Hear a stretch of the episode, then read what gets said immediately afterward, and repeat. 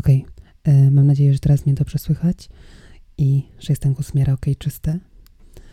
E, ja ogólnie jestem po wyrwaniu zęba, więc mogę nie być wyraźnie słyszalna, no ale nic na to nie poradzę, jakby no, takie życie. E, chciałam ogólnie przeczytać jedną rzecz. E, konkretnie jakiś czas temu napisałam krótki jednak tekst na temat tego, jak, jak, jak przejawia się u mnie dysforia. Byłam ogólnie e, w takim dołku. Pierwszy raz czułam się tak źle.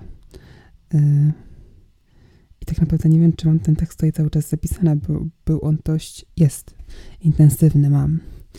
E, ok. Więc zaczynam. Moją tranzycję rozpoczęłam w, we wrześniu 2019 roku. Był to czas, kiedy po długiej przerwie podjęłam się pracy.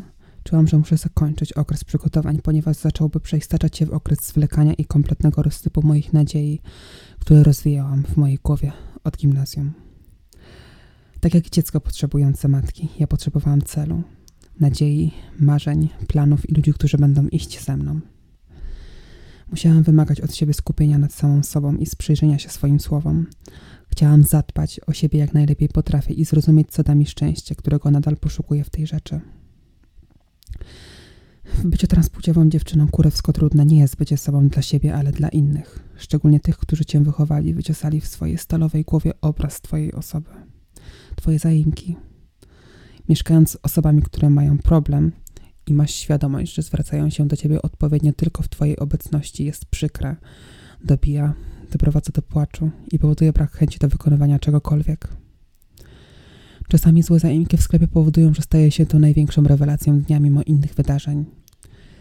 Przebicie się przez to, że ktoś mógł cię odrzucić przez to, że jesteś trans, jest jak rozwikłanie sprawy na poziomie Sherlocka Holmesa. Niemożliwe. Sama, sama prawie zawsze mówię do siebie. To pewnie dlatego, że jestem trans. Nie mogę patrzeć na swoje włosy na rękach. Nie mogę patrzeć na swoje ramiona, barki, plecy, stopy, szyję, linie włosów. Mam ochotę ciągnąć kredyt na ogromną kwotę w banku i rzucić się pod nóż chirurgów. Czasami nie mam ochoty mówić, bo czuję, że mój głos nie jest wystarczająco damski. Czasami zastanawiam się, aby zrezygnować, aby zakończyć wszystko, natomiast moja chęć życia jest niewyobrażalna. Prędzej zastanawiam się nad tym, żeby paść na ziemię i zacząć wyć, krzyczeć, ryczeć i prosić o pomoc i poprowadzenie za rękę. Czasami nie chcę być trans. Staram się kochać siebie, staram się walczyć o czułość dla siebie, ale trudne jest, trudno jak, jest jak nienawidzisz większości swojego ciała. Czuję się czasami jak atrapa, jakbym była niepełnosprawna, jakbym nie mogła normalnie żyć. Czasami duszę się z emocji, które nie mogą mnie opuścić. Nie pozwalam sobie na niektóre z nich, bo boję się skutków. Tym jest między innymi dla mnie dysforia. Chciałabym powiedzieć, że czułam się tak jakiś czas temu. Ten tekst był napisany dość dawno. powiedziałabym, że nawet bardzo dawno. zresztą czas, który teraz mija w moim życiu, mija bardzo powoli. I wydaje mi się, że mijający tydzień to jest jak miesiąc z dwa lata temu. Jezu, naprawdę stresuję się w podcastach tym, że używam nieprawidłowo języka. To jest naprawdę um, stresujące.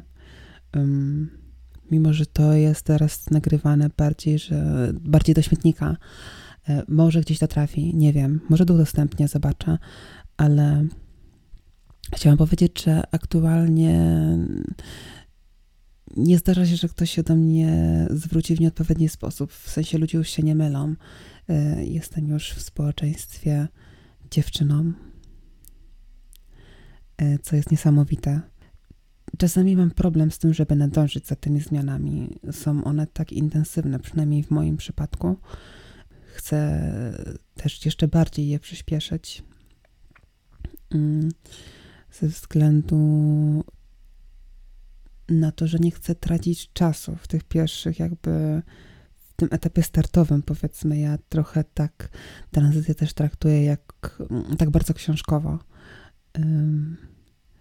I no i umówiłam się do drugiego endokrynologa. Niestety będę musiała jechać dość daleko, bo chyba 300 kilometrów będę musiała się do niego udać i mam nadzieję, że pomoże mi e, zrozumieć pewne rzeczy i że pomoże mi też, nie wiem, może w zmianie dawek albo przy pisaniu innych leków. Ogólnie chciałabym, żeby jednak ta moja tranzycja weszła na wyższy level i Teraz na przykład lockdown powoduje, że musiałam zwolnić, bo nie mogę zrobić dla, nie mogę zrobić zabiegu laserowego na przykład i to już mnie totalnie, ja już jestem po prostu wycieńczona, nie? Jak sobie o tym myślę, że nie mogę iść na laser, nie? Że widzę jakieś drobne włoski gdzieś na mojej klatce piersiowej, to jest dramat, nie? Dla mnie to jest dramat. Ja podejrzewam, że nawet dla dziewczyny, która ma problem, nie wiem, z włosami na brzuchu albo gdzieś, to nie jest tak dramatyczne jak dla e, transpłciowej dziewczyny. Tutaj po prostu dysforia sięga zenitu, kiedy na przykład po trzech dniach na przykład nieogolenia, nieogolenia brzucha czy klatki piersiowej są jakieś drobne włoski, to jesteśmy w stanie dostać w kurwu, podejrzewam, totalnego. Y, ja już przyznam, że oczywiście będę tutaj przeklinać, bo jakby to jest kurwa mój podcast i będę sobie tutaj odpierdalać co chcę. tak y, dodając, no. Y, I chciałabym ogólnie powiedzieć, że, że sam inaczej, że ten etap, w którym teraz jestem, jest już kompletnie inny, mimo że minęły raptem trzy miesiące, cztery, no trzy miesiące powiedzmy. Czuję się kompletnie inaczej. Wyglądam już trochę znowu inaczej. To jest tak intensywny czas. Przez to on się tak wydłuża, przez to on trwa tak długo. Jeszcze nigdy moje życie nie było tak intensywne. Mam nadzieję, że nikt mnie nie słucha. O Jezu, to był przyps. No. Moje życie jest tak intensywne teraz, że ona jest intensywna w samym procesie tranzycji, że sama ta tranzycja je wypełnia i y, tak naprawdę dużo się nie dzieje w moim życiu. Nie wiem, poza pracą, jakimiś moimi zainteresowaniami, tym, że chciałabym właśnie zacząć nagrywać podcasty. Chciałabym zacząć y, grać w gry i streamować na Twitchu, ale czy to się uda, nie wiem. Nie, nie mam zielonego pojęcia. W sensie, jak, jeżeli, będę czuć się na tyle dobrze i na tyle pewnie z tym wszystkim, to, na, to zacznę, po prostu zacznę, bo nie widzę innych przeciwwskazań, żebym miała tego nie robić. No. I tak naprawdę nawet się nie przywitam z tym, z, z, z, potencjalnymi słuchaczami, którzy mogliby tutaj przyjść.